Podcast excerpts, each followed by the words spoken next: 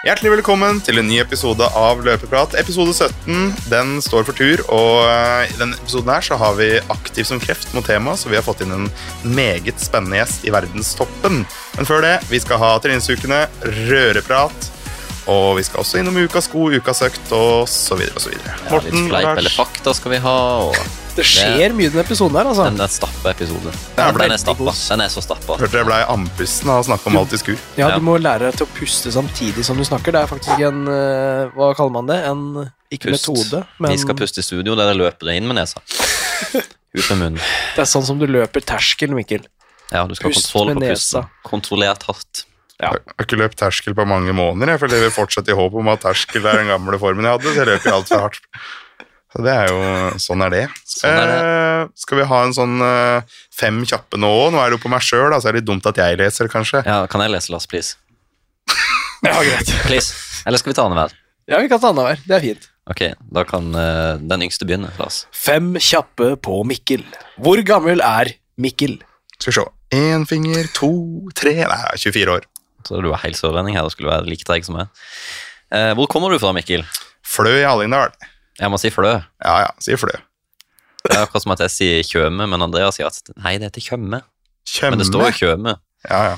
Nei, men det står jo ikke Det står jo Flå når Ja. man er i Flå, men man Men det- sier man sier Flø. Er fløværing, vet du. Hva jobber du med, da? Eh, lærer og miljøterapeut. Og podcast, da. Det er jo kanskje podcaster jeg burde si, Ja. siden vi sitter her i dag. Neste spørsmål. Hva er din favorittmatrett? Vi må bare legge til at eh, her er spørsmålene til Mikkel. Taco. Oi, Taco, ja. der var du rask. Ja, herlighet, er det noe du gjelder på, da? Det er jo ingen tvil. Morgen- eller kveldsperson? Eh, morgen. Det, Jeg, klar, jeg klarer jo ikke å Altså, hvis jeg Altså, jeg sover ikke mange lenger enn åtte mange dager, altså. Jeg har begynt å tenke, men jeg tror ikke jeg gjør det. Nei, det tror ikke jeg heller du gjør. Så jeg må nesten si det.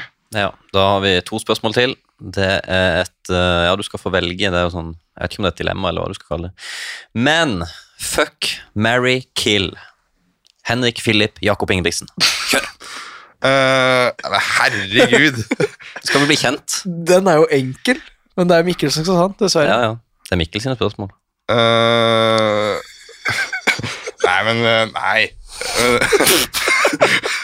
Kom igjen, tenk. Nei. Det er gøy, Det, den er enkel, sier jeg. Det var sånn- La oss si det er enkelt. Da. Jeg syns ikke det er så enkelt. Men det er- Um, da er det uh, Kill mm. uh, Nei, nå var det vanskelig. Ja. Henrik, siden han er eldst. Ja, det er barmhjertig. Han Jeg tenkte ryker jo først. Nei, Ja. ja. må ikke prate sånn.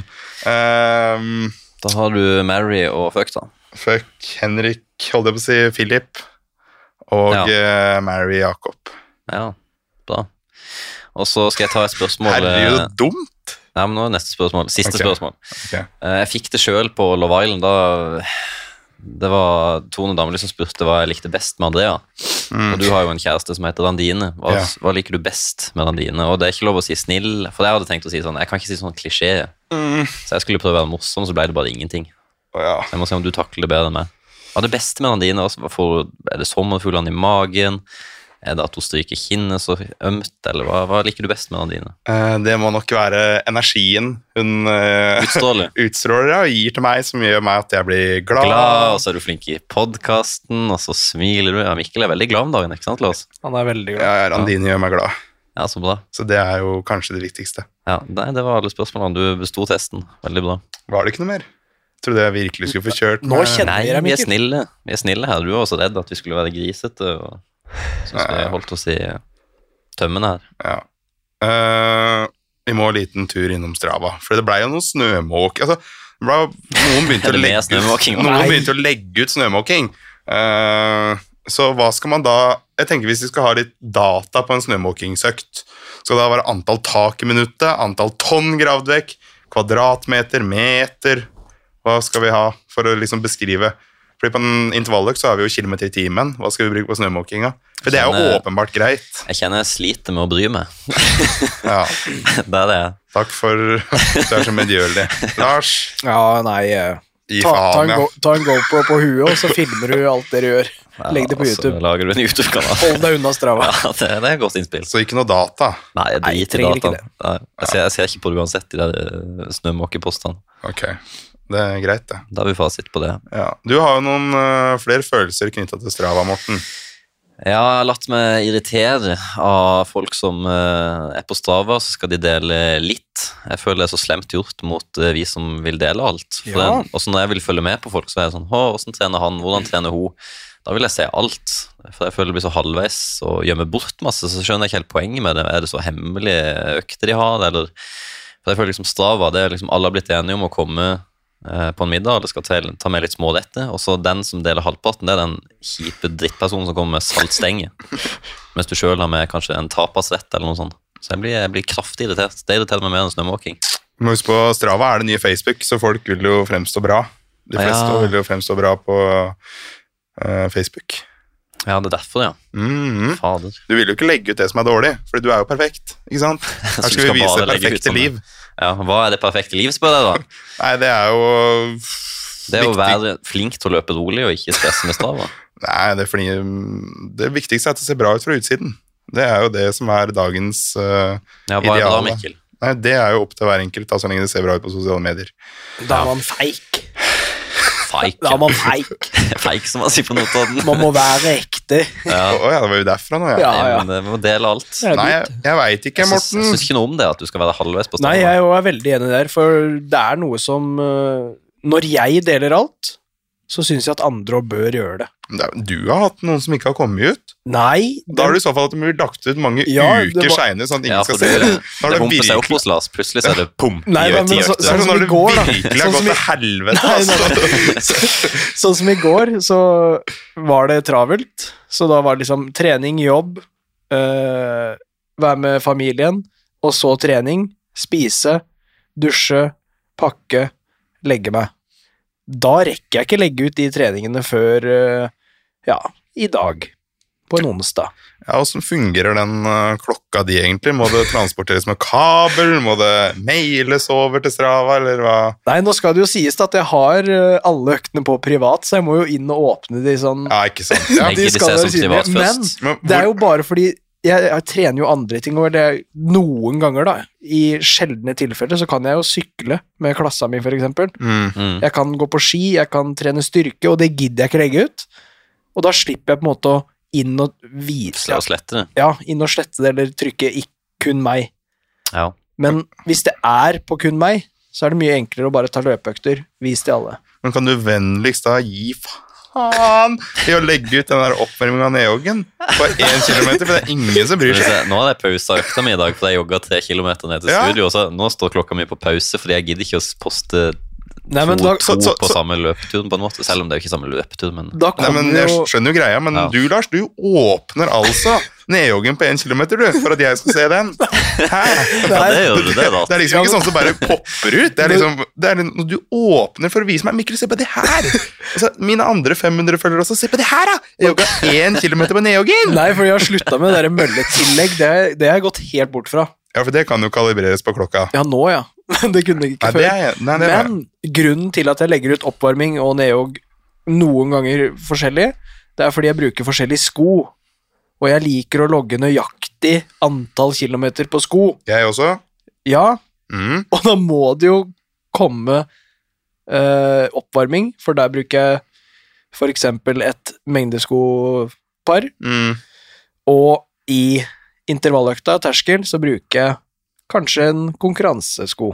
Jeg tror det ikke er så veldig mange som bryr seg fordi Nei, hvilken sko du bruker der, fordi du kan uh, trøkke da nederst på økta. Nå er det dette er veldig sånn det, Jeg gjør det her alltid med styrkeøktene mine, fordi jeg tenker at det ikke er interessant for andre. Okay. Så da kan du trykke på 'ikke publiser' til eh, club feeds, eller liksom uh, den vanlige feeden. da. Å ja. Så du kan legge det til på profilen din. Eh, Men så hvis se- folk er interesserte, så går de inn på profilen, sånn som på meg. da. Ja. Så er det folk som går inn på profilen min, og så liker de styrkeøktene mine.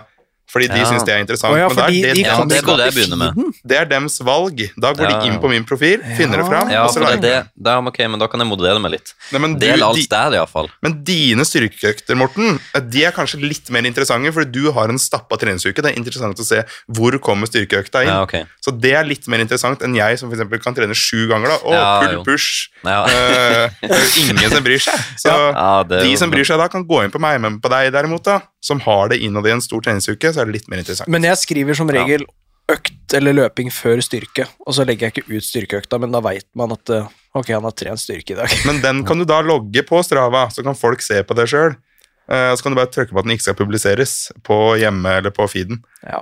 For dette her er jo, altså for oss som følger en del folk, da, så jo, kan det jo være litt slitsomt. Men trener du tre ganger i uka, så legg den ut en styrkeøkt. Men Ja. trener du 15, så går det an å um, Modereres litt. Ja, Ja. tenker at vi må Men oss. da skal jeg til dere som uh, har blitt spamma i hæl av eh, seks økter på tirsdager og torsdager, Og masse nedjogg. Og masse ned- oppvarming og nedjogg. Beklager så mye. Jeg skal uh, prøve å skjerpe meg. Men du Lars, vi er fortsatt i rødhjørnet, så jeg tenkte jeg skulle kjøre Eller det er litt fakta òg inni her, og litt seriøsitet. Men Ja. den, vi hopper, vi tar en spalte i spalten. Fleip eller flakk Fader. Fleip eller pappa? Fleip, Fleip, fleip, fleip, eller fagda, Ja. Lars, heter denne spalten i Rødeprat. Første Jeg har fått, offentlig, jeg har fått bot for offentlig nummer to, altså bom, bommelom. Ja, det tror jeg du har, ass. Du er en sånn gærning som I som hvert fall i dine tidligere år. Det, det kunne vært fakta, men det er fleip, faktisk. Jeg har hatt Alejandro Fuentes som PT. Ja, det tror jeg. Det veit jeg. Ja, det er sant. Ja. Han var flink PT. Hvis du vil bli sterk, Ja, så er han veldig god. Ja. Uh, jeg har holdt konsert i Tsjekkia. Eller nei, nei, jeg sier nei, men det kan faktisk Med litt innabords så tror jeg du kunne finne på masse rart. Det, det er fakta, men eh, det var, eh, jeg gikk i kor i femte klasse, så jeg, var, jeg var ikke full heller. Det var kristen kor. Vi skulle til Tsjekkia, så, ja, så vi, holdt, vi hadde en konsert på en skole og et eller annet sånn type utested på dagen, da. Så jeg har jo holdt konsert i Tsjekkia, det er jo ikke løgn å si det. er det? Du er enig i at det, har jo, Ja, ja. det er fakta, det? Støtter. Men er det da Ja, nei, fortsett. Eh, men jeg har hatt konsert på Bali med liveband. Da hadde jeg noe innabords, men det var noen kompiser som gikk opp og sa han der vil synge Jason Mraz I'm Yours. Jeg kunne jo halvparten av teksten. Men da kom det en bedugget mann opp til meg etterpå og bare Yeah, you're fucking great. Oi! Ja, så det var You should start a singing career! ja, I'll sign you! ja. Eh, neste. jeg har gult, uh, gult belte i karate. Ja, du tok elleve pullups i dag, så det Så kan, da, da det kan hende. Sterk i kjernen. Ja. Men det, det, Men du har kanskje ikke gult, men kanskje litt uh, Hva er det første man får? Grønt? det er gult. Er det Jeg tror det. ja, Du har sikkert grønt, du. Nei, jeg har gult. Så det var fakta. Kunne ta det på Bali da jeg tok idrett. Så hadde vi sånn karatekurs. Så man kunne be om å få det tilsendt, men det gjorde jeg aldri. Men kanskje jeg burde gjøre det. Eh, Jeg har fått fartsbot. Nå skulle jeg til å si du bor i Oslo, og du har ikke bil. Nei, jeg har ikke bil, men jeg har hatt bil. Men, eh, ok, og så har du lappen. Du Ja, har ikke kjørt har uten Nei, jeg har ikke kjørt uten lappen. Eh, ja, nei, du har sikkert bare fått eh, ikke promille. Ikke promille. Jeg har blitt stoppa for å, måtte blåse to ganger. Det er gøy. ja, ok. Blåste Nei, null, men jeg sier nei til at du har fått bot, ja. Eh, Det er fakta. Jeg har fått bot. Var den, slak oppover. I 50-sona så hadde, fikk jeg vel 63. Så da fikk jeg vel et par prikker. Og er eh, 17-18, eller var det rett over 2000 i bot? Det er ganske dyrt. Ja, Det anbefaler ikke folk men det er lenge siden, vel? Ja, det er lenge siden. Eh, For hadde, hadde du gjort det nå, siden. så hadde det vært sikkert dobbelt så dyrt. Ja, det er mange år siden. Du som er oppvokst i kirka, hvor, mange, hvor mye måtte du be om tilgivelse? Bare flere ganger om dagen, Ja, jeg måtte i den der, eh, hva het den der boksen? Uh, synde... Kakebu. Syndebua? Nei, det er ikke det i militæret der Lars har hengt? Jo. Jo, du har vært i kakebussa? Nei, nei. Nei. Fantes ikke på ja, du må be om tilgivelse noen ganger, og det tar litt tid. Sove ute noen dager, og kommer du inn. Ja, interessant. Eh, siste. Oi. Jeg ble sendt hjem fra konfirmasjonsleir for å forsøke å verve folk over til hinduismen. Det, det var morsomt, da, men nei. Nei, det var fleip. Det Det var sikkert en, helt det var sikkert Det hadde en, vært rått, da. det var sikkert en kompis av deg. Nei, det var noe jeg bare kom på i farta. Ja, okay. Så det var min, eh, mitt tilskudd til uh, Rødepraten i dag. Men kreativ. Det var Takk, veldig takk, kreativ. det Jeg syns du, det, det burde du lage sånn. du burde jo bli innholdsprodusent i den podden her. Nei, du, det er du som holder skuta stødig, Mikkel. Vi må tenke litt på det. Vi må øve litt på de jinglesa, bare. Ja, der har vi litt å eh, gå på. Der har vi litt å gå på. Mikkel blir jo Han syns han eh, sa det. der er så kringe, sa han her om dagen. Herregud. Jeg har egentlig mer på det agendaen her, men ah, ja, ja, ja, vi har røra så lenge nå at jeg tror vi kanskje skal hoppe over til litt mer seriøs prat og treningsukene våre. Da er det treningsukene våre, og Mikkel, vil du Nei, kanskje vi skal gi eh, Eldstemann. eldstemann ballen. Ja. Jeg har jo, Mikkel har aldri vært så fornøyd med min treningsuke før, eh, før nå. Jeg har jo en liten, er du eh, fornøyd med Jeg har ingen fått så mye trening? skryt. Ja, jeg har Ja. fått så mye skryt. Jeg har jo en uh, mal på hvordan episoden skal se ut. Altså Jeg har liksom 1, 2, 3 og så forskjellige punkter. da. Uh, punkt nummer tre er treningsuke. Der pleier det aldri å stå noen ting. Uh, den gangen her så står det kudos til Morten. Det pleier, ja. det pleier å stå Å, Lars, hva er det du har gjort? Lars, din idiot. Husk å slakte Lars. Ja, det Men står det. eh, Nei, jeg hadde jo kommet hjem fra Sevilla, så på tirsdagen Vi hadde jo konkurransen på søndag, så skulle jeg ta en lett jogg på tirsdagen. På formiddagen, føltes greit. Så ble jeg dårlig på tirsdagskvelden. Klarte å karre meg i studio og fikk i meg litt koffein og følte meg jo ok i studio, men eh, jeg hadde litt lett feber og sånn i ettertid og tok det med ro. Tok, det, tok fri onsdag, torsdag, fredag. Helt uten løping. Og så hadde jeg en lett jogg på lørdag og en lett jogg på søndag. Så jeg hadde 30 km løping, ikke noe styrke. Ja, og nå øh, føler jeg meg fin og har overskudd, så jeg tror det var riktig avgjørelse. Så Mikkel var litt stolt over at jeg klarte å ta tre løpefrie dager på rad. Ja, det er Altså- bare, Du tar gode valg, og det er noe jeg ikke jeg klarte å gjøre. Og jeg veit hvor vanskelig det er å la være å løpe de turene hvor du Ja. egentlig føler at du kunne stikke ut. Men Du Mm. vet at det ikke er lurt, men du veit at du kan. Og så holdt du på å gå på veggen, for jeg var jo ikke daudsjuk, men uh, uggen var jo, hadde jo skikkelig, skikkelig manflu i hvert fall. Mm. Så jeg er glad at jeg gjorde det. Hvis ikke tar det lengre tid. Mosjonist, vet du, da kan man gjøre sånn. Skulle du kjempa om OL-plass i Paris, så hadde det kanskje vært litt mer krise. Men jeg tipper du uansett da hadde tatt de dagene fri for å bli frisk. Fordi du ser jo på meg, jeg var sjuk i tre uker. Kunne vært sjuk i fem dager, kanskje. Men Ja. valgte å utsette det. Det er nok eh, noe med det der. Hvis du trener med sykdom i kroppen, så Mm. jeg tror ikke du reduserer den tida. Nei, i hvert fall ikke den startfasen hvor det skal bryte ut, på en måte. At du der eh, bare setter en stopper med en gang, Ja. istedenfor å ja, det er jo der jeg tror proffene er flinke til å faktisk bare dra helt i brekket og bare Men de har helt en- off. De har vel en trener, kanskje, Og og lege og og det som er, ja. og det har ikke vi, vet du. Så vi tar dumme valg. Det er Mm. en del av livet vårt. Faen har Men det er godt å se Mikkel som går på den eh, mina rett foran meg, så slipper jeg å gjøre det. Så tar jeg bare helt fri og ser på Breaking Bad. Har du hørt om den episoden? Den serien? Den Den har jeg hørt om. Sett den. Ja. Den er veldig bra. Den er ganske bra. Jeg er på sin- nest siste sesong og siden jeg har vært syk, så fikk jeg sett den masse. Hadde ikke sett det før. Rått. Ja. Det var min, det var min treningsuke. Han var bra, det var du sa, 30 km. Logga Ja, du sånn. Logga du at du så på TV? Nei, nei, vi skal ikke gå der. Nei, jeg- To timer kan du se det i. Um, tar treningsuka mi, jeg. Uh, 29. januar på en mandag. Da, søndagskvelden da meldte jeg meg på Ultrabirken. Og det er 60 km, og det er jo ikke i nærheten av det jeg løper i uka. Så da hadde jeg en økt på morgenen. Uh, skikkelig fint vær, månelyst. Kalte økta også månelyst. Og skrev 'tipper det blir rimelig månelyst 15. juni på 50 av 60 km hvis jeg ikke legger ned en skikkelig jobb. Oi, Men når var det her klokka? Var det klokka seks? Ja, halv sju, faktisk. Det var seint. Å ja. Løp bare 6 kilometer, vet du. ja, det var 36 seks minutter minutter. før meg, bare. Ja, ja, ja. Så på tirsdag hadde jeg en eh, joggetur med Børre. Løp Børre eh, Snusk, hunden Børre. Snusk. Vi løp, og så løp vi hardt oppover, motbakke, 230 høydemeter. Så løp vi litt halvhardt ned igjen. Så fikk meg litt kvalitet der. Kasta meg litt mat, litt kake, og så hadde jeg en intervall på romaskin. Løp du med Børre? Hæ? Med Børre opp bakkene? Ja. Å, ja. Han er i god form nå. Han kunne løpt Altså, han, jeg kunne fint løpt en 10 km på 35 med han, liksom. Hvis jeg Mm. kunne løpt på 35, men det klarer jeg ja, ikke. Så jeg vil si at bikkja er jo sprekere enn meg. Ja. Så det er jo litt uh, bekymringsverdig, kanskje. Men nei, han er skikkelig sprek. Lett i steg og ja, fin form. Skal måle laktat på en til uka, så vi får se. ja, det må du. På onsdag da var det løpegruppe. Et forferdelig vær. Vi løper jo sammen, Lars. Eh, litt hit og dit. Uh, 6 km på løpegruppa. Blei til sammen 14 km, så fikk man en halvlang tur der, da. Ja, En det er time og 20 minutter. De, Mikkel, for å sveive det der svære maskineriet ditt litt i gang. Jeg gjør det. Eh, så har jeg vært på litt crossfit, trent litt styrke, hadde en skitur på lørdag eh, før jeg hadde en joggetur etterpå på 36 minutter.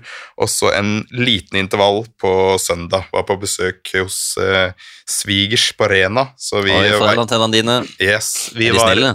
eh, veldig snille. Veldig heldig, med, veldig heldig med den familien. Altså. Veldig bra. Uh, vi var på, inne på Rena leir, på militærleiren, og det ryktes jo at eh, ja, mange av dem ligger vel nede for telling fortsatt, de FSK-soldatene osv., etter de så meg inn på det treningssenteret.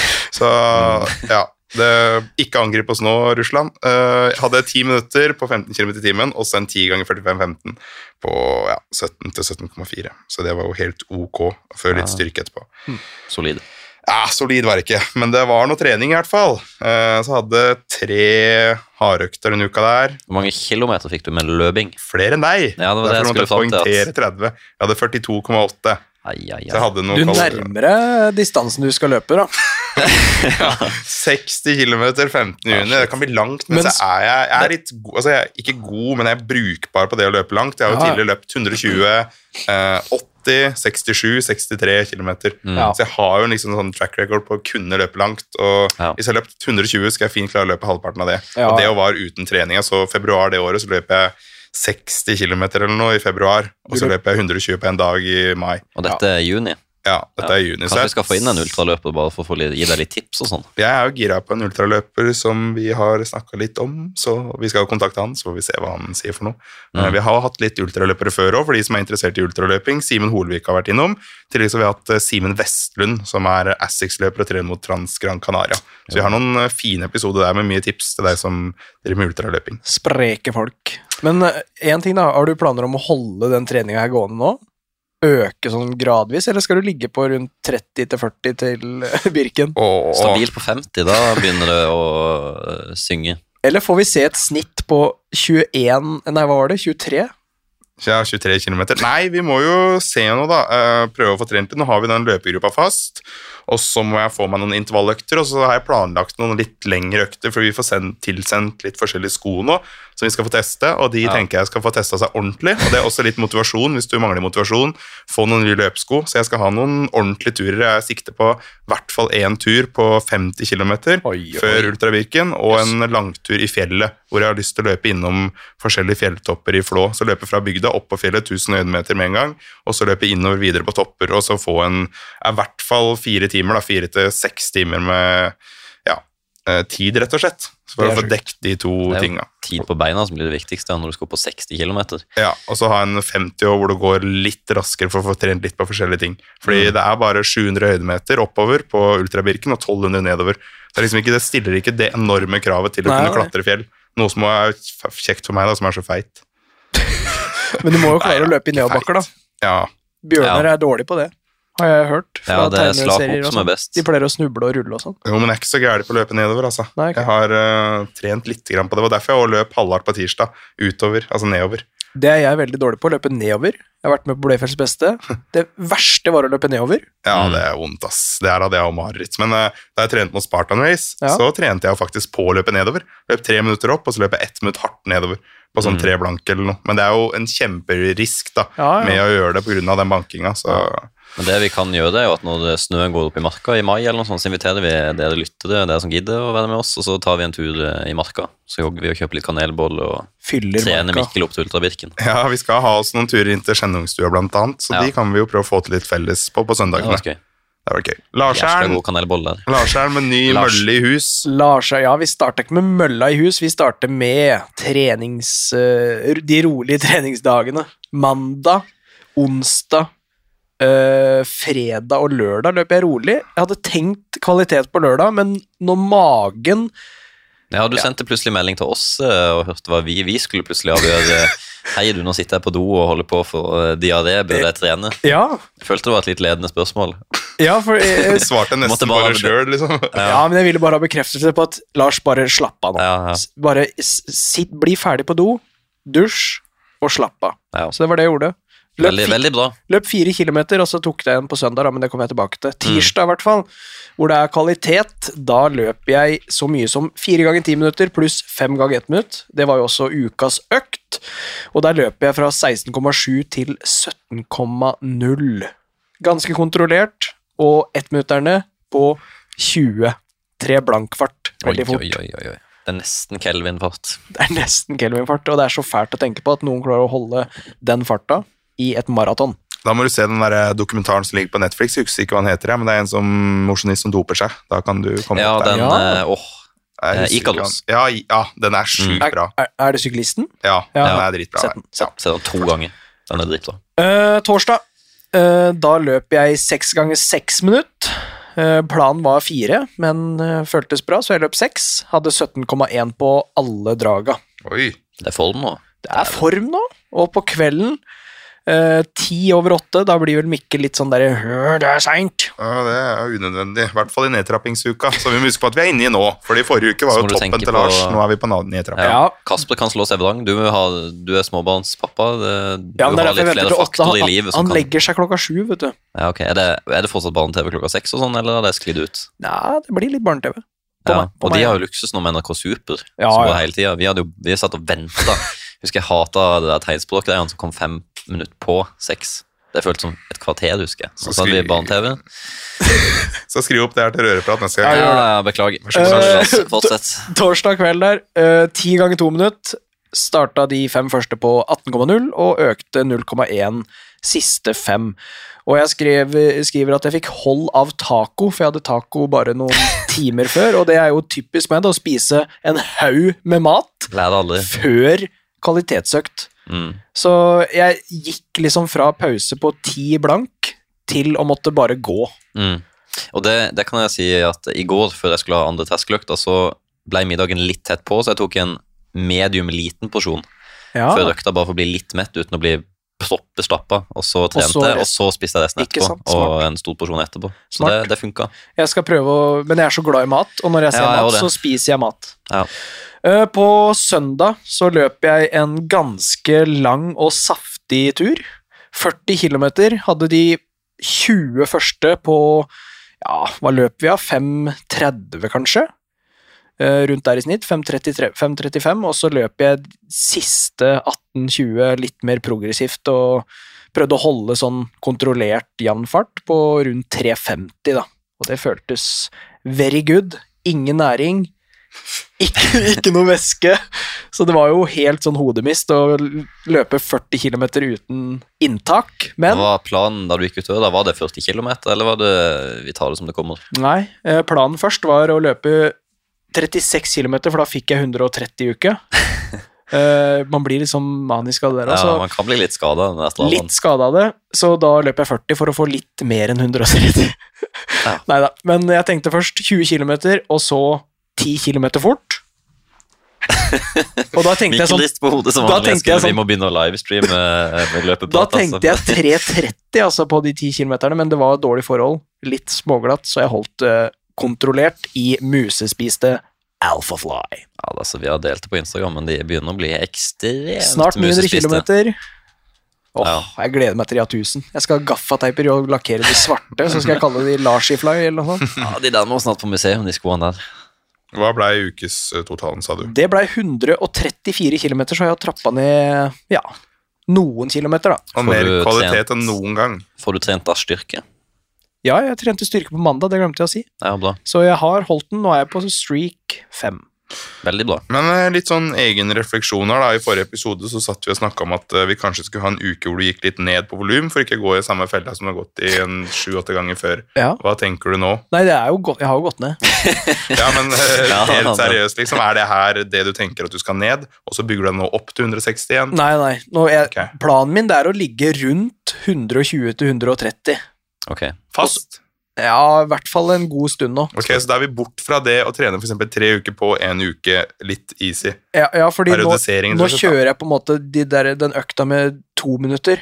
Jeg prøver å kjøre den ganske hardt, Ja. og da tør jeg ikke øke volum samtidig som jeg gjør det.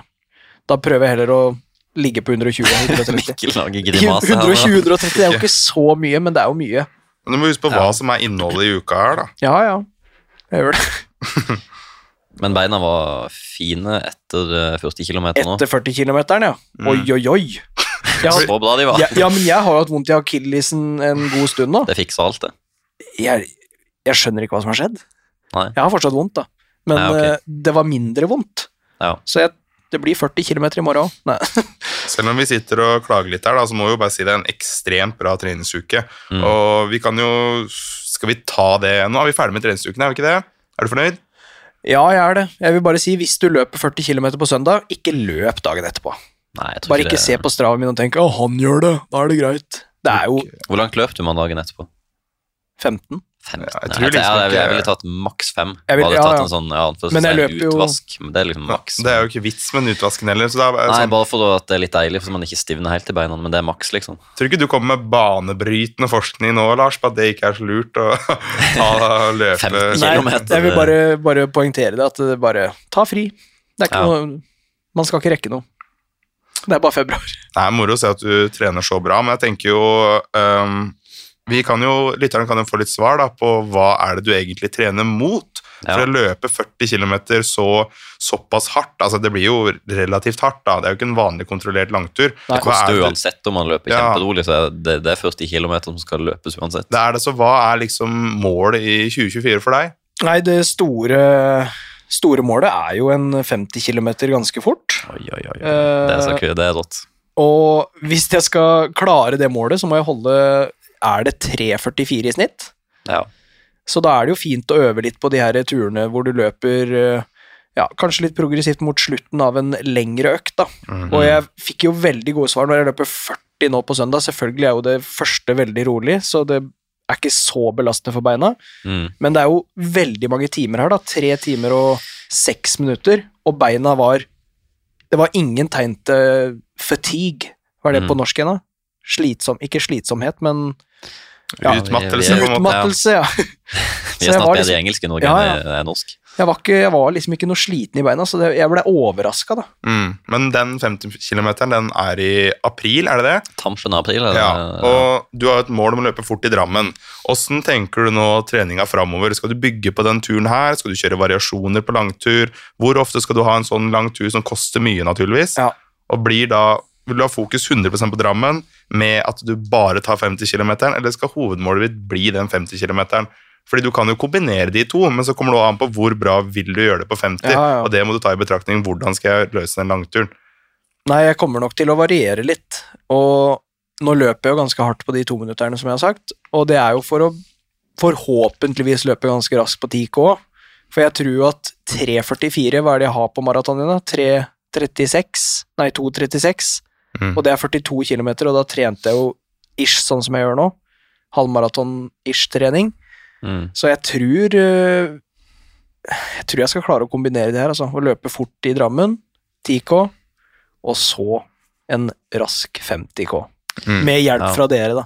Ja, jeg skal prøve å Hjelpe rytter i hvert fall halve, halve Tenk om du står hele, eller bare løper, Ja, løper fra Du, jeg blir med.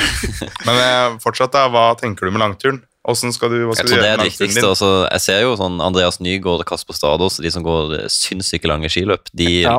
løper jo ca. på mitt nivå på en 10 km. Når vi løp på tid for Grete. Jeg tror Nygaard var litt foran meg, og Stadås var rett bak. Vi løp cirka ganske likt. Og så er det greit nok at du løp, du løp bra på maraton eh, med den halvmaratontreninga, men sånn formen din tilsa at du kunne løpt sikkert Ja, ja. til 2.32, fire minutter fortere, og nå skal du løpe åtte kilometer lengre. Ja, Før men da roligere, da. undervurderer du 50 Det er ikke mye roligere. Undervurderer du 50 km? Nei, det kan hende jeg er litt sånn cocky nå, men jeg Ja. tror ikke det. ja, altså. Nei. Så, Nei, men, så lenge eh, jeg får øvd litt på det der med inntak òg. Nå Mm. løper jeg jo uten inntak av noen ting, Mm. men hvis jeg får øvd litt på det, så ja, jeg tror det skal gå fint, altså. Men jeg kommer nok til å prøve. Jeg kommer nok til å ha en rundt 30 km på ca. 3,50.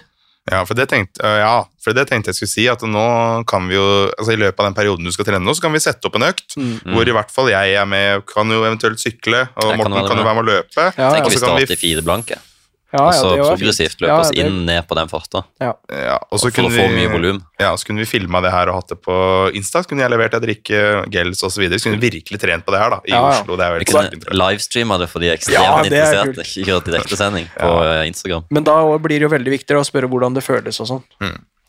Neste uke, vi hopper litt videre, vi. Eh, Neste uke, neste onsdag, vi har jo de løpegruppene våre fast. Og neste onsdag så er det Valentine's Day, og i den forbindelse nuss, duss, duss. Det blir sikkert mye, mye dates der. Uh, nei da, Uh, litt seriøsitet nå. Ja, greit. Ok.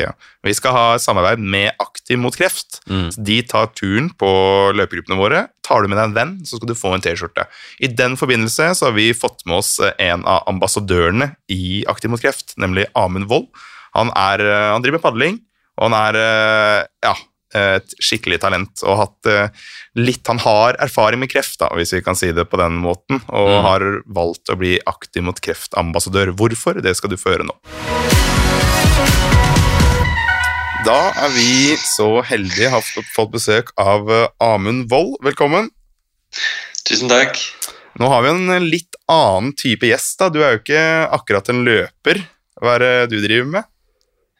Jeg driver med padling. Eh, Nei, så jeg er ikke noe særlig god til å løpe, selv om jeg bruker det litt, litt som trening. da. Mm. Får må holde beina litt i gang òg, når vi ikke bruker det så mye i kajakken.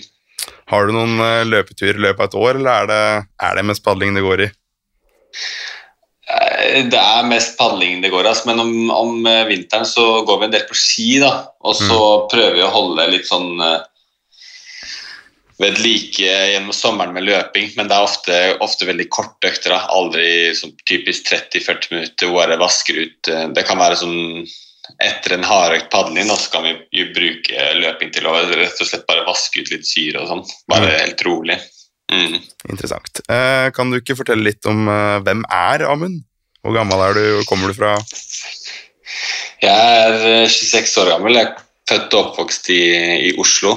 Og mm, ja, vært aktiv med mye idrett gjennom eh, hele barndommen, men bestemte meg når jeg var rundt sånn Begynte ved padling da jeg var sånn 13 13-årsalderen. Skjønte at jeg hadde talent for det, da. Eh, og jeg begynte vel å satse det eh, Eller prioritere det mer og mer da, kontra andre idretter jeg drev med fra sånn 15-16-årsalderen. Mm. Hadde du noen mm. idoler som du så opp til? Som fikk deg til å begynne, eller var det bare litt sånn Nei, dette er god i, dette skal jeg satse på. Jeg husker han Vedus Larsen, han var jo relativt god. Ja, så det er jo, hadde jo noen idoler her. Eirik Børres Larsen og Knut, eh, Knut Holmann, som er også Knut Holmann er Ja. fra samme klubb som meg, så han um, han trener jeg faktisk litt med om, om sommeren når han eh, slenger seg med. Og det er ja, fremdeles mye fart i han. Ehm, kan du ikke fortelle litt eh, når kom liksom eh, Eller når var det du virkelig skjønte at eh, dette er jeg god i? Nei, Sånn sett er jeg på en måte jeg har vært sent, sent utviklet, så jeg tok litt tid før jeg begynte å bli god, men sånn jeg, begynte, jeg tok på en måte ganske store steg gjennom ungdomsårene, og så um, var vel siste års junior jeg um, ble på en måte god, da. Ikke bare Det er ganske lite padlemiljø i Norge, så jeg var på en måte god nasjonalt en stund, men sånn god internasjonalt eh, var ikke før jeg var sånn siste års junior og som en U23-padler. da. Mm. Og jeg skjønte at det, det virkelig kunne, kunne gå fort. Hvordan fungerer det her med padling? Er det liksom en slags uh, serie som du kommer opp i? Altså, du må bli invitert til bedre og bedre stevner, eller er det liksom, hvordan fungerer det der? Nei, det har um, Norge har, får sende plasser til World Cup og, og sånn, så man, um, man Hvis man er på en måte best i landet, så får man delta på internasjonale konkurranser. Det er mer um, Sånn som OL, så er det um, må man gjennom internasjonale kvalifiseringer da, for å stille. Mm. Men til, til World Cup og EM og VM så er, får Norge sende, sende båter, da. Mm. Du snakker om eh, EM og VM her. Har du deltatt i noen eh, store mesterskap?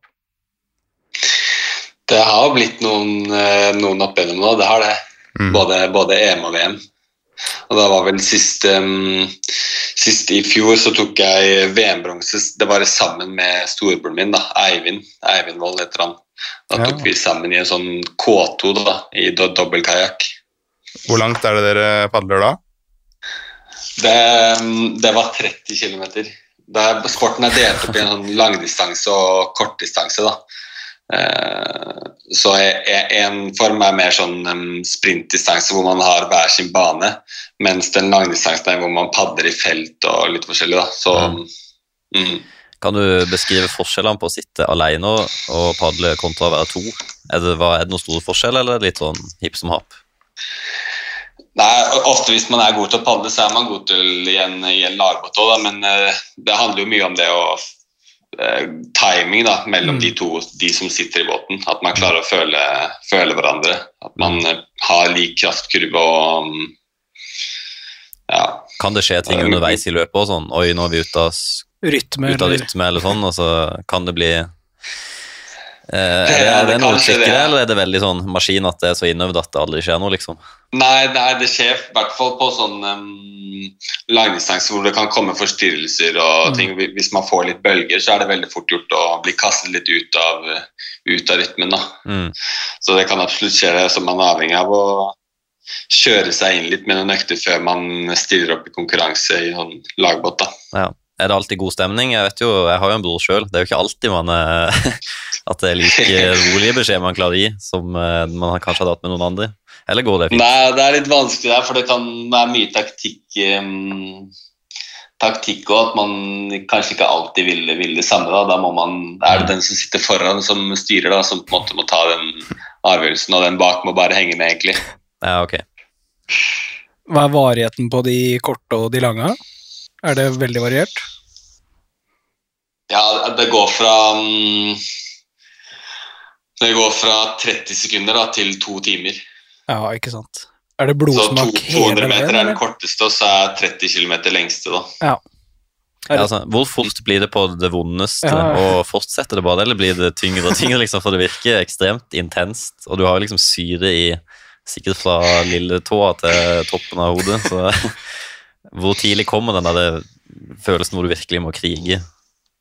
Nei, på, på en sånn to timer så får man jo Det er litt som Man kan henge Hvis du tenker deg en båt, da, så har du en sånn hekkbølge. Mm. Og da kan du egentlig ligge på siden av, siden av en annen kajakk, og da ligger du litt i nedoverbakke. Ja, Så da får du slappet av litt. ja. Men når man ligger i sin egen bane, da, så mm, Ja, så, så gjør det vondt ganske tidlig. Mm. Det gjør det. Da er det bare å sørge for at farten faller så litt som mulig. Året 2019, det var vel eh, Vi kan vel si at det var det store gjennombruddsåret, kan vi ikke det? Jo, stemmer det. Kan vi ikke ta oss litt igjennom eh, fra starten her, da, når det verdenscupseieren eh, og veien videre derfra?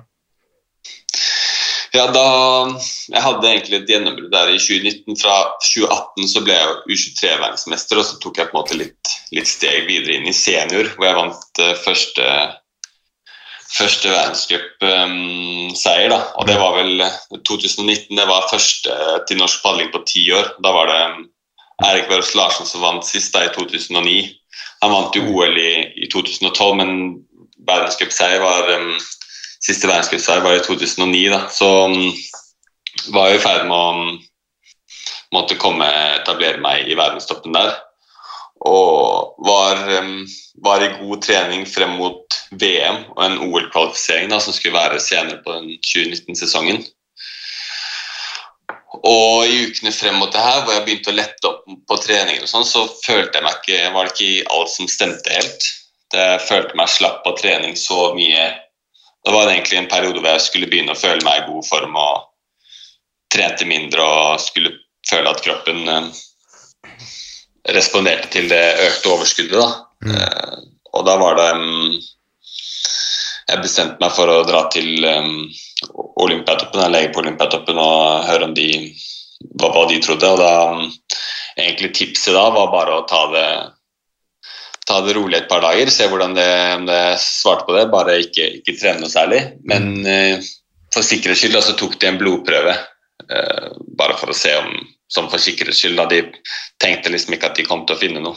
Ja, for det her var litt, eller var liksom følelsen at uh, du kunne bare være litt småsjuk, eller kanskje litt hardt trent, eller noe sånt? Ja, ja det, det er jo ikke uvanlig at uh, idrettsutøvere føler seg sliten i perioder. Men det var litt det at jeg på en måte var i en Hadde det vært på, på høsten, hvor jeg på en måte er utenfor sesong og trener mye og skal, må- skal føle meg sliten, så mm, hadde jeg ikke sjekket det såpass tidlig som jeg gjorde da. Men siden jeg egentlig trente ganske lite, skulle føle meg bra, så Og det, jeg begynte å bli stresset, for det var ikke lenge til eh, VM. Nei, hvor lenge før var det her? Jeg mener det var um, Cirka. to, to og en halv uke. Og, Mellom to og tre uker. ja, Mm. og du har tatt den blodprøve, blodprøva, og hva skjer så? Da, etter de får svaret på den blodprøven, etter et par dager er det vel, så ringer hun legen um, fra Olympiatoppen meg opp igjen da, og sier at det var ikke um, det var ikke alt som stemte med de blodprøvene. Og det er nesten litt eh, litt sånn lettelse, fordi da tenkte jeg ikke da er det, er det noe gærent. da. Kanskje vi kan eh, Forhåpentligvis så kan vi fikse det her før, eh, før VM om noen uker. Mm. Og da skulle jeg mm, sa hun at jeg skulle ned til Rikshospitalet, hvor de skulle ta litt flere prøver, da. Så jeg drar ned dit og blir sendt opp på et uh, alenerom hvor det kommer inn noen sykepleiere og, og, og noen leger og skal høre hvordan jeg har følt meg, følt meg de siste ukene. Da. Det er først da jeg uh, blir stressa og tenker at det er, uh, er nok Kan fort være, være ganske alvorlig. Mhm.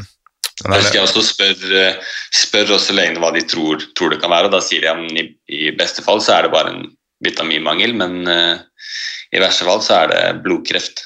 Mm. Er den største frykten da for å høres det sikkert litt dumt ut, da. er det for å ikke rekke VM? Er det liksom det du tenker mest på, eller er det rett og slett helsa som eh, kommer først da?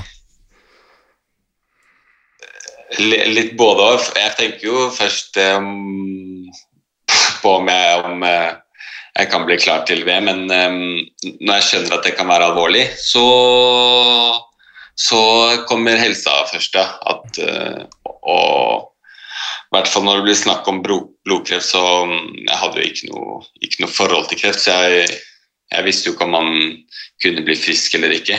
Nei.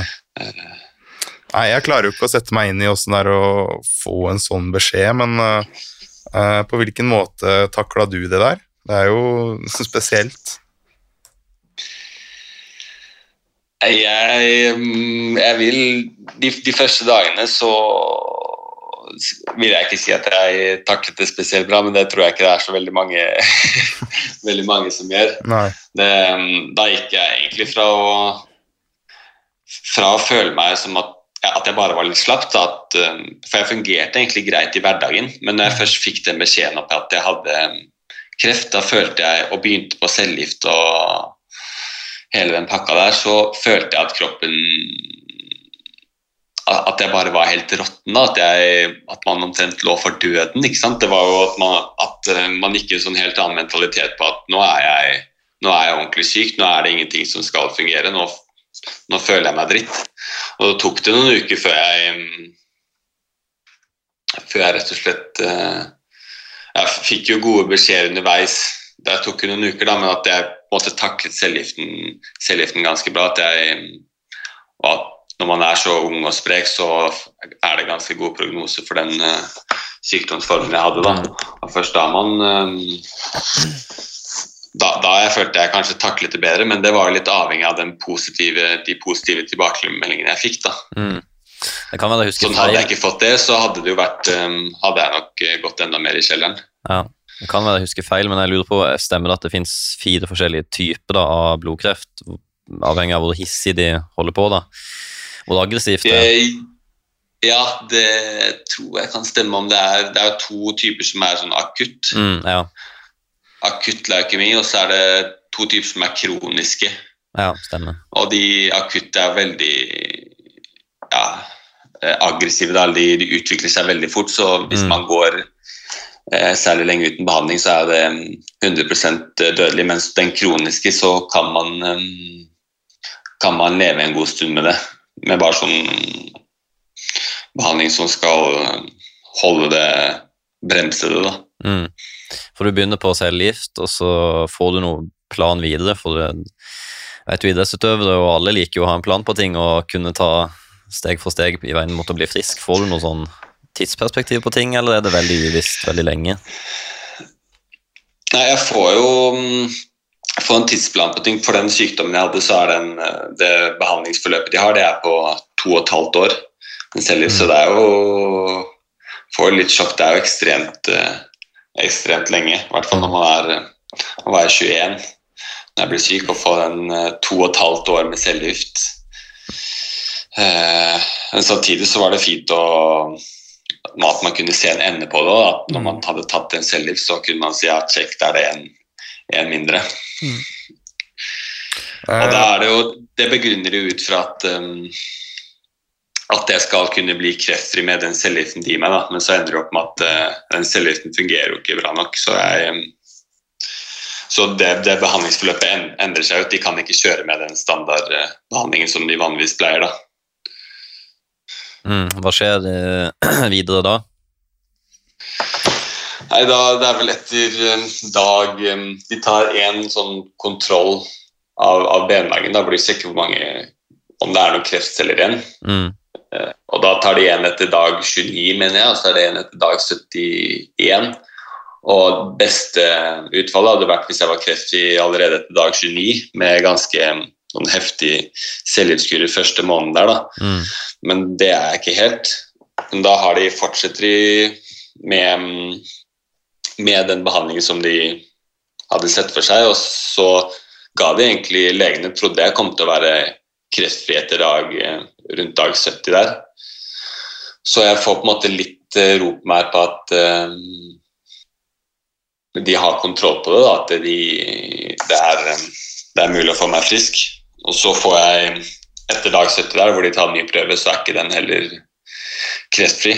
Og da, mm, da kan de for så vidt ved å fortsette med cellegift, så kan de få meg kreftfri, men sjansen for tilbakefall, Mm. at kreften blusser opp igjen når de slutter med cellegift, er såpass stor at de vil heller gi meg en sånn benmergstransplantasjon, da. Mm. Så da sjekker de familie og litt sånn om det kan være en god match, eller? Ja, da sjekket de først eh, familie, for der er det størst sjanse for å finne en match. Da er det vel Mm. eh, 25 sjanse Ja. for eh, man finner i en uh, søsken. Ja. Så har de også et stort register da, på forskjellige donorer, Mm. men det er som å Man skal ha Ja, litt flaks. eller veldig mye flaks, kanskje. Ja, så var det ønsket man jo helst at det skulle være en søsken. Jeg har to brødre. Mm. Ja, det er minst, eh, minst komplikasjoner ofte med det. At de har Ja. best utfall med det. Mm. Så det var absolutt ønskelig, det. Ja. Um, når er det du Når du har gjort det her, um, når er det du uh, merker at det her funker? Eller når får du noen positive beskjeder? Nei, først så når jeg får beskjed om at jeg må ha den transplantasjonen, så, så er det nesten som å få den diagnosen litt på nytt. Mm. At jeg tenker hva, Nå har de trodd at cellegiften skulle fungere, og så fungerer ikke den. Hva, hva hvis ikke den transplantasjonen heller ikke fungerer? Mm. Og jeg husker også at det var noe jeg når De nevnte, de nevnte jo der i- med en gang jeg fikk, eh, fikk diagnosen nå, at det, var, eh, at eh, det kunne være aktuelt med sånn transplantasjon, men at det var noe de helst ville unngå. fordi det, ja, det innebærer jo at jeg måtte gjennom en, sånn, en dødelig dose med cellegift og strålebehandling, der hvor de rett og slett dreper min Mm. hele min ben, benmarg. Da får jeg for en uh, ny benmarg Mm. som da var fra, fra storebror. Og da har man ingenting i immunforsvar. Eh, Hvis du tar verdien på det, så er det 0,0 Mm. på sånne hvite, hvite blodlegemer. Og da mm, kan selv den minste infeksjonen være, være dødelig, da, rett og slett. Mm. Og mm, også med så mye cellegift og strålebehandling så sprekker alle slimhinner opp. Så det var en periode jeg ikke klarte å prate. Jeg fikk alt intravenøst, mat og drikke. Og jeg hadde en sånn morfinpumpe da, som jeg kunne trykke på for å, for å lindre smertene. Så det var en, eh, en liten periode der jeg var rusavhengig og måtte gå på nedtrapping etter hvert som jeg sluttet på den morfinen. Mm. Så, mm, og, og når det først begynner å bli bedre, da tar de blodmåling, blodprøve hver dag. Og fra når den å Når den går fra 0,0 til 0,1, da begynner kroppen å reparere seg selv, da. Mm. Det her var vel Jeg fikk den transplantasjonen i julen 2019. Og, men det, det tar jo lang tid før jeg på en måte fungerer normalt uh, i hverdagen. Ja. Nei, jeg kjenner, jeg kjenner litt til det sjøl, fordi jeg hadde en kompis som òg fikk eh, leukemi tidlig i 20-årene. Han hadde da to Ja. brødre som han matcha med, og han valgte jo den som Det er visst forskjell òg, du kan matche bedre med noen enn andre. Så han var gjennom det samme. og han forandra utseende òg, husker jeg en periode, fordi han fikk så tunge medisiner, så han så plutselig helt annerledes ut, husker jeg. Og så Det var Ja. ganske heavy. Ja, Man går på noe sånn eh, kortison, og det er typisk sånn bivirkninger. Går man på mye av det en stund, så får man sånn måneansikt. Mm. Det er litt veldig sånn oppblåst i ansiktet. da. Ja, jeg husker det. Ja. Ja. Eh, men ja, jeg husker at eh, ja, det tar jo på. Det er jo en kamp. Men, Det er det. Ja, men det var en vellykka transplantasjon. Ja, under det her så hadde jeg jo må jeg si jeg hadde veldig flaks at jeg hadde lite, lite komplikasjoner, at det var en såpass god match. Mm. At jeg Ja. At, at de, de, det har gått såpass fint som det har gjort, at jeg har slitt eh, egentlig lite i etterkant. Ja. Og så når eh, du liksom er Ja, når du er friskmeldt, da, hva, hva tenker du da? Er du litt sånn Er du rett tilbake på jeg skal ta comeback, eller åssen hvordan er den prosessen Ja, den, de kommer jo fort, i tankene der, men det er jo veldig begrenset hva jeg kan gjøre i begynnelsen. Da. Det, at det holder omtrent å gå opp en trapp, så må jeg Ja. sette meg ned på toppen. Mm, Og en gåtur på en halvtime det, det tar jo lang tid før det går fra av det man skal kalle kanskje aktivitet da, til trening. mm, Bare det tar jo flere måneder. Ja. Og um, ja, sånn treningsbelastning så, jeg, så har jeg brukt de Jeg er fire år siden nå, de, jeg har brukt de fire årene på å egentlig trappe opp treningsbelastningen til der jeg var før jeg ble syk. da. ja.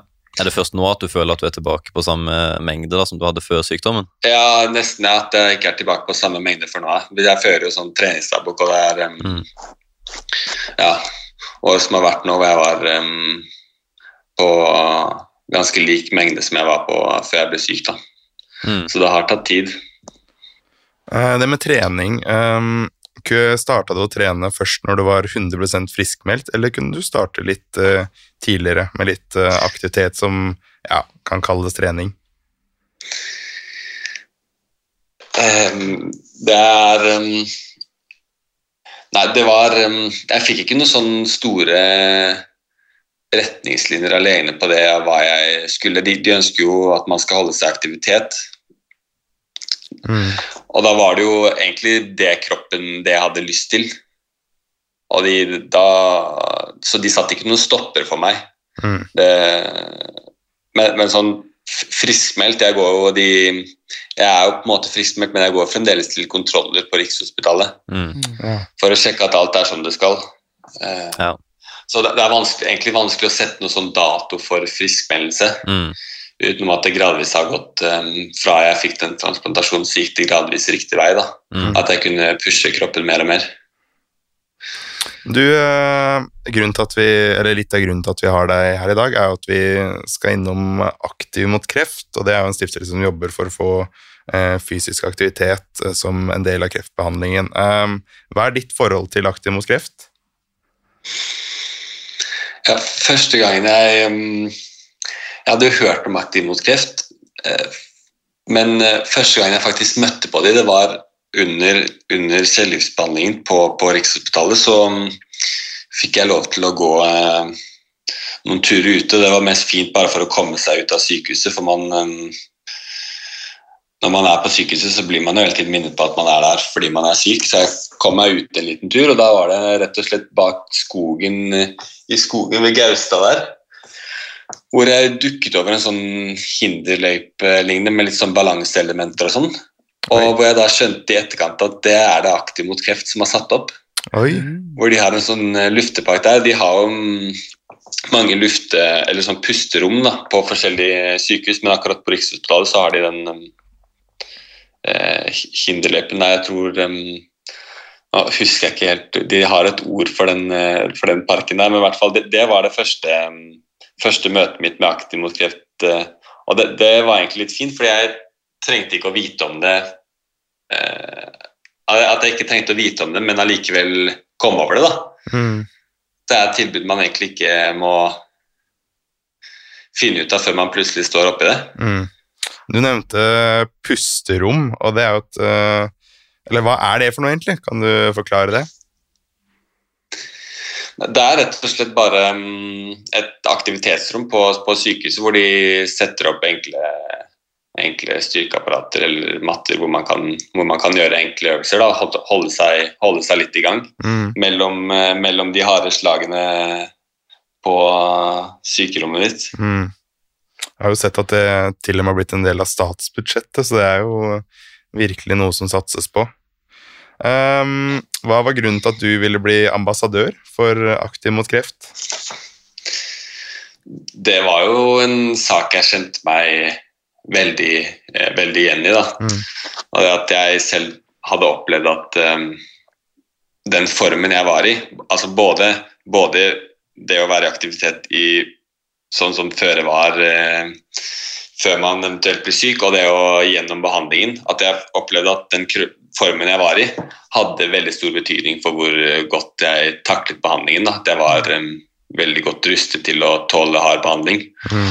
Og mm, underveis og det å bare holde seg litt i aktivitet mm, ja, det aktiverer jo endorfiner med en gang man eh, får beveget kroppen litt. Så det hjalp jo det mm, en egentlig litt kjip hverdag, hvor jeg opplevde å mm, egentlig bli frarøvet hele det livet jeg hadde da, med å trene, trene to ganger i dagen og mm, være fri, hvor jeg plutselig var bundet til sykehussengen. da. Mm. Mm. Og ja, rett og slett føle at man var litt, uh, var litt fri igjen da, i de minuttene man orket å være i aktivitet i løpet av dagen. Mm. Um, og jeg kjenner at jeg har uh, veldig lite erfaring rundt det her. Jeg har ikke hatt noen nære meg som har hatt kreft. Vil du ha, komme med en anbefaling til eh, de som er pårørende? Altså, hva er viktig? Jeg antar at du hadde noen som sto deg nær. Ja, for det, det syns jeg var litt vanskelig med min kompis. Om det er litt sånn, Vil han være i fred, eller nå skal man mase på å komme på besøk? Eller det er jo litt sånn Det er vanskelig å oppføre seg Man vil jo oppføre seg så rett som mulig, men det er jo ikke alltid så lett å vite. Om man vil snakke Vil, vil, vil man snakke mye om kreften, eller vil man snakke om helt andre ting? Sånne ting. Ja, Hva man vil snakke om, tenkte du på? Nei, bare, litt tips til pårørende, egentlig. Eh, hva, Ja, satte satt, du pris på at folk gjorde? Nei, jeg, jeg satte veldig pris på alle som brydde seg. Alle som sendte, sendte meg meldinger og ønsket meg god bedring og eh, som, som skrev rett og slett at ja, det, du, er, du kommer til å komme deg gjennom det her. Du er en tøffing. Mm. Eh, så er, det er jo vanskelig fordi mm, I hvert fall litt det der med aktivitet. At eh, hvis en, en som er frisk skal komme og pushe deg til å gå ut, ja, men du orker det, og det er ikke noe problem, og vi tar en liten tur eh, man litt, Hvis man har en dårlig dag da, og er litt sånn kvalm fra cellegift og sånn, så er ikke Mm. det det er ikke sikkert det er så morsomt å høre at, man, at det ikke er noe problem å komme seg ut. og Mm. Det er fint å få luftet hodet litt når man egentlig bare har lyst til å ligge i sengen. Mm. Ja, På de verste dagene så er det vel en kamp bare å få spist en yoghurt, liksom. Ja, det er jo det, og da mm, Ja, da har man egentlig ikke så lyst til å finne på så mye annet. Nei. Um, nå er vi jo litt uh, nysgjerrige, da. Det er jo uh, OL-år. Uh, ser veien videre ut for deg nå? Er det uh, i Paris som er i uh, tankene, eller hva, hva er målet for sesongen? Ja, det, det er jo det, og det var det for så vidt når jeg, når jeg, når jeg skjønte at jeg kunne bli frisk igjen, og mm, OL i Tokyo på en måte rø- røyk, da, så var det mm, Da satte jeg jo mål om at eh, 2024, Paris, da er det min tur. Så det er absolutt målet mm, til sommeren. Nå er det en kvalifisering i, i begynnelsen av mai. Så jeg er egentlig Nå er jeg på, på samling, på treningssamling, og blir egentlig det store deler av våren frem til det. Hva er det du skal uh, prøve å kvalifisere deg for? Er det 30 km, eller uh, blir det kortere distanse? Nei, det, det blir kortere distanse. Nå er det, det er ikke så mange distanser som er i OL, dessverre. Så det er ikke så mange distanser man kan kvalifisere seg på. Den eneste som er i sånn singel K1, da, singelkajakk, det er 1000 meter. Ja, jeg Så det blir den jeg prøver er meg på denne 500 og 1000 meter, er det det? Ja, Ja. stemmer. Da er det vel uh, bare ønske lykke til. Jeg tror det ikke blir OL på oss uh, tre i år, dessverre. Så det er ålreit å få inn uh, noen som er på et litt høyere nivå enn oss. Uh, tusen hjertelig takk for at du kom. Jo, takk. Dere løper fortere enn med alle mann, tror jeg, så Ja, men det er helt, ting. det er helt til du bare begynner å løpe litt etter eh, karrieren din, Ja. så tar du oss igjen i løpet av et par uker. Jeg gir deg uh, tre uker, så tar du meg i hvert fall. Kan du ta meg i dag. Maks tre. Ja, Det var utrolig hyggelig at du kunne gjeste podkasten. Det var utrolig interessant å høre din historie. altså. Jeg har lært Jo, masse, og så blir det spennende å følge med i veien mot OL. Ja, Vi skal heie deg fram til Paris, vi. Yes, tusen takk. Tusen hjertelig takk til uh, Amund som tok uh, turen i episoden. Uh, skikkelig forbilde. Wow. Inspirerende.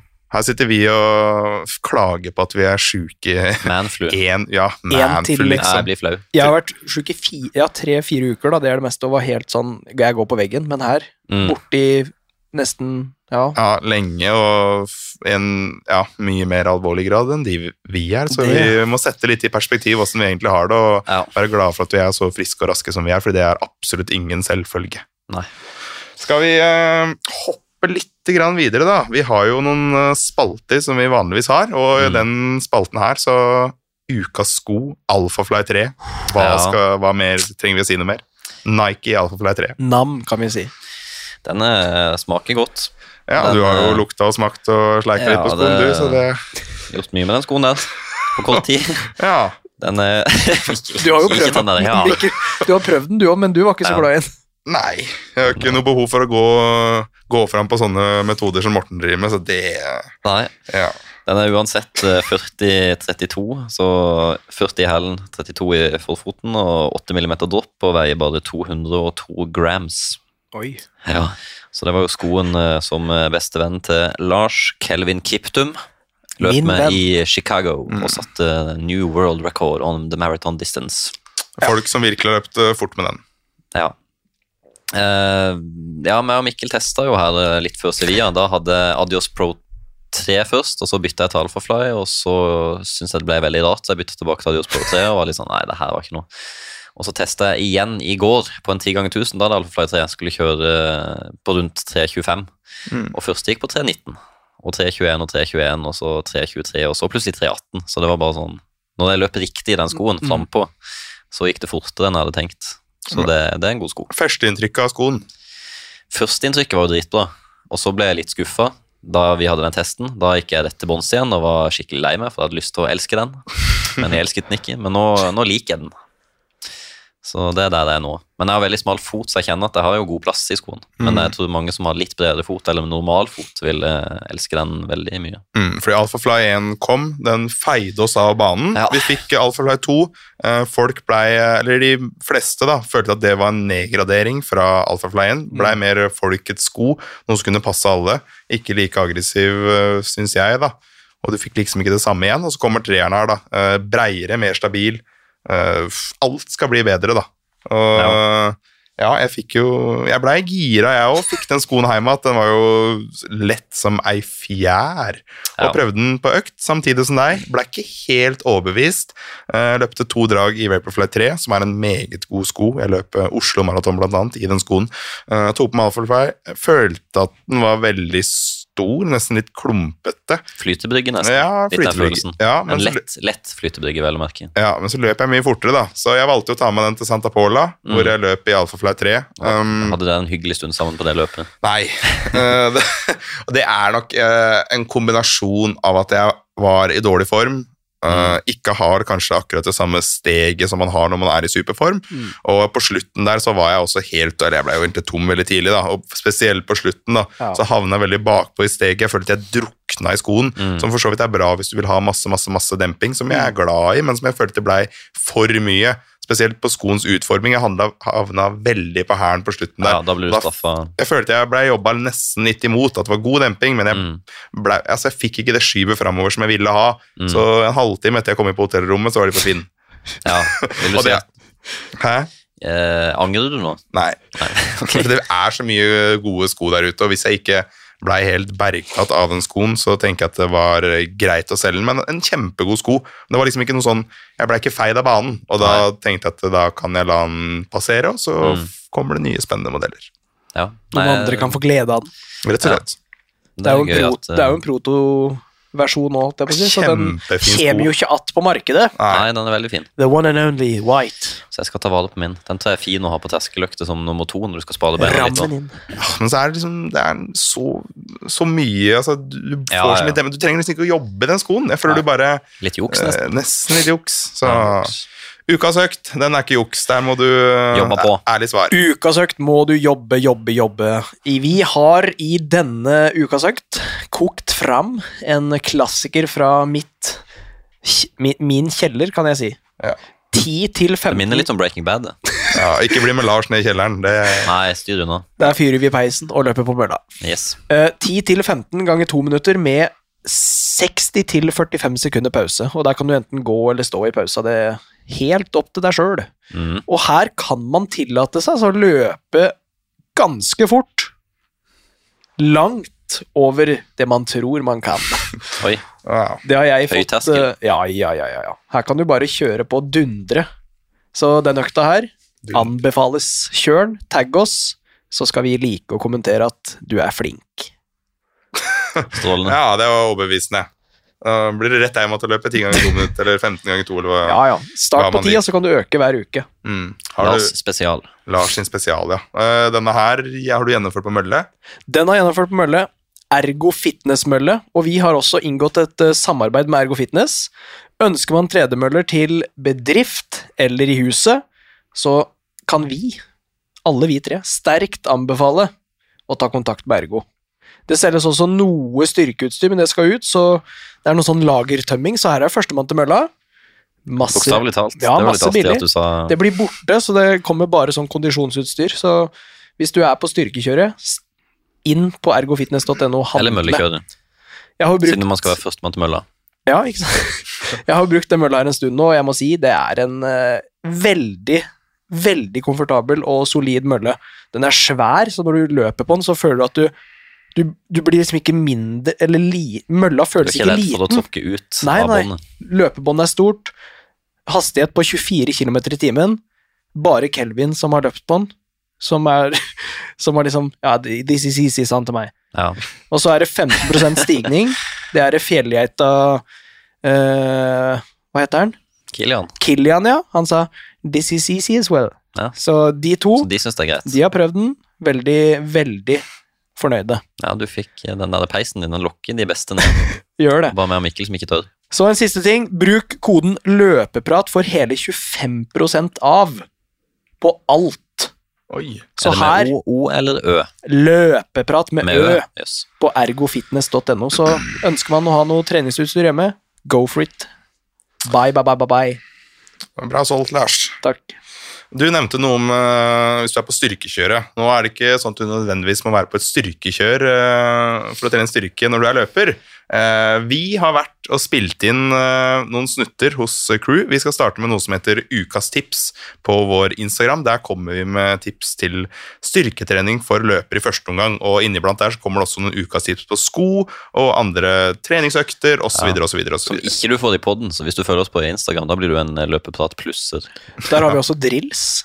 Har vi ikke det? Eller har vi ikke lagt Jo, ut du har lagd eh, drills der. Ja, de tror jeg ligger på TikTok, men, ja, men de skal eh, komme der òg. Jeg, ja, jeg skal lage nye ja. Tøyevideoer òg. Dynamisk tøying. Ja. Fint, dere. Hver onsdag så kommer det altså ukas tips, så følg med der. De er allerede spilt inn. Det er noen eh, virkelig godbiter. Og vi har fått litt spørsmål på eh, ja, rett og slett styrketrening, og noen som vil at vi skal vise åssen vi gjør det, og hvor mange reps osv. Så, videre. så på de innleggene der kommer det en detaljert eh, beskrivelse av de forskjellige, og eksempel på reps osv. Og lyttespørsmål det tar vi imot på vår Instagram. Vi pleier også å legge ut sånne spørsmålsetiketter hvor du rett og slett kan skrive rett inn. Så følg med der for å få med ditt spørsmål. Neste uke så er det løpegruppe med Aktiv mot kreft, som vi nevnte. Ta med deg en venn, få en T-skjorte, møt opp klokka seks eh, ved Nobels fredssenter på Rådhusplassen. Var det noe mer dere vil tilføye til Eh, uh, Jeg ønsker at eh, en av dere to lager fleip eller fakta til neste uke. Det syns jeg var gøy. Ja. Jeg ønsker at lytterne skal ha en kjempefin eh, treningsuke, og lytt på podden vår på Det gjør de hvis de hører dette. Veldig sant. Ja, også, Men hør på kommende episode. Ja. Hvis dere har noen innspill til podden, eh, kritikk, veldig viktig. Eh, ros er også veldig hyggelig, Mm. det gjør oss motiverte til å fortsette. Eh, send det inn til oss. Så tenker jeg vi skal si det vanlige. Tren godt, tren smart. Vi løpes.